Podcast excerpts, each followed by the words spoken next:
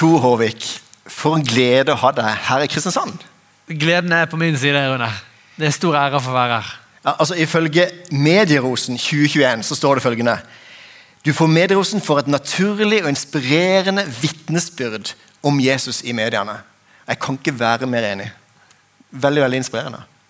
Tusen hjertelig takk for det. det sanne ting er, det, ja, det er så stort at det, man, ikke, man skjønner ikke det helt. på en måte.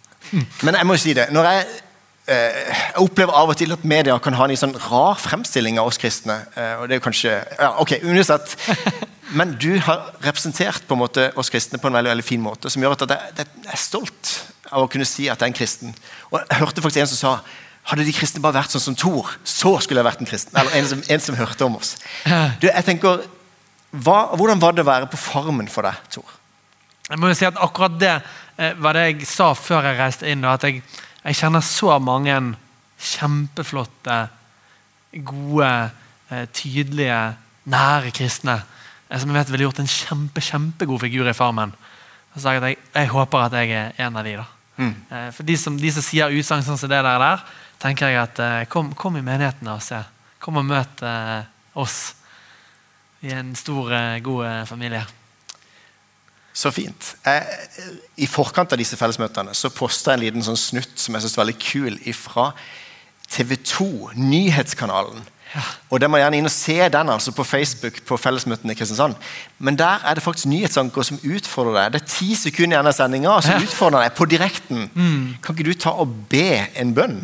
Ja. Hvilken inngang har du fått?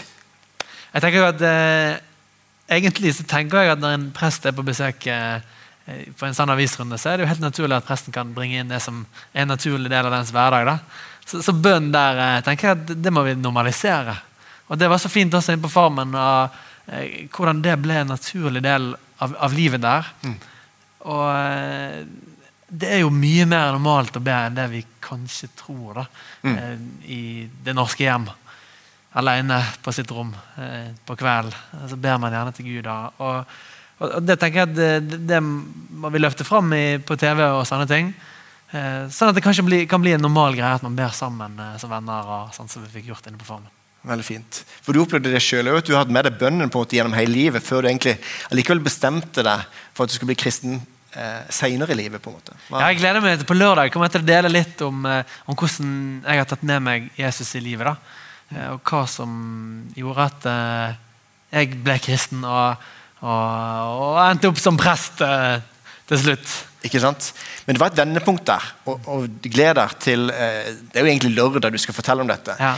Men hva er det som gjorde da at du gikk all in dette med å være prest?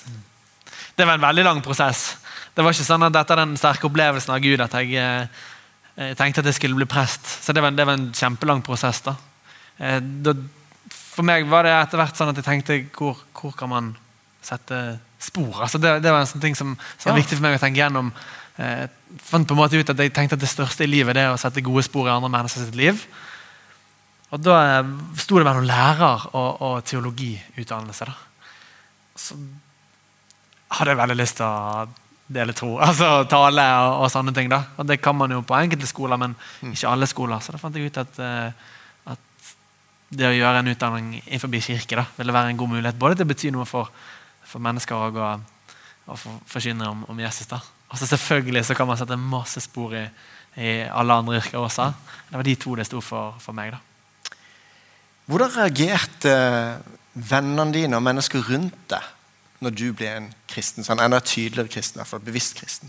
Ja, når jeg eh, plutselig fortalte at eh, jeg var blitt kristen i klassen, så var jo reaksjonen eh, Hæ? Har du blitt kristen? Du er jo sånn naturfagstype. da. Hvordan kan du tro på Gud?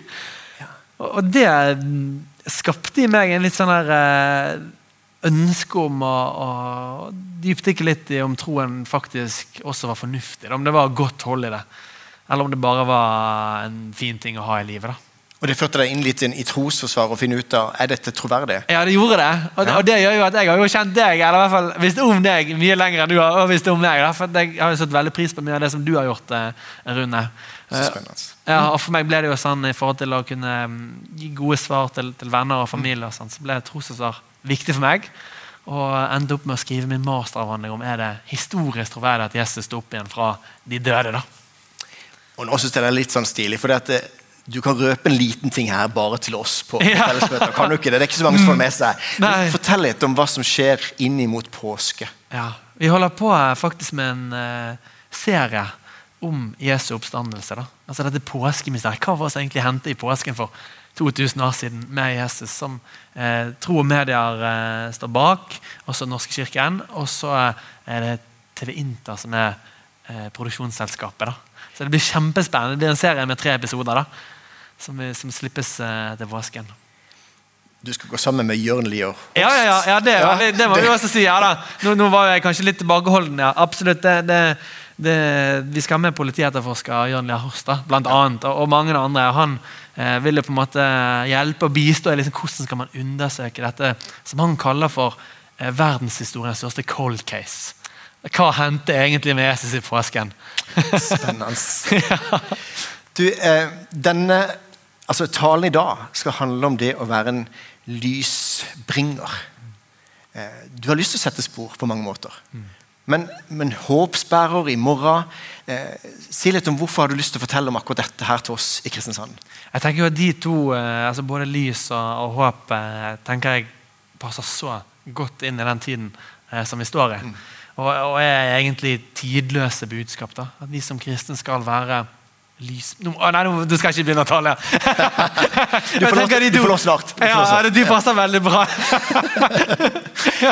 jeg meg rett på det. Men da har jeg lyst til å avslutte med å si takk for at du er med og sprer håp, og at du er med og sprer lys der du er. Og takk for at du er et forbilde for mange, spesielt unge mennesker også. Det setter jeg utrolig pris på. Det er jo veldig gøy med den livsknisten, den kanalen du også gir masse ut gjennom, eh, og, og bygger opp. Og ja, tusen takk for den du er, Tor. Og tusen takk for at dere har fellesmøtene, Rune. Det vet jeg at når langt ut og dypt inn til Så fint.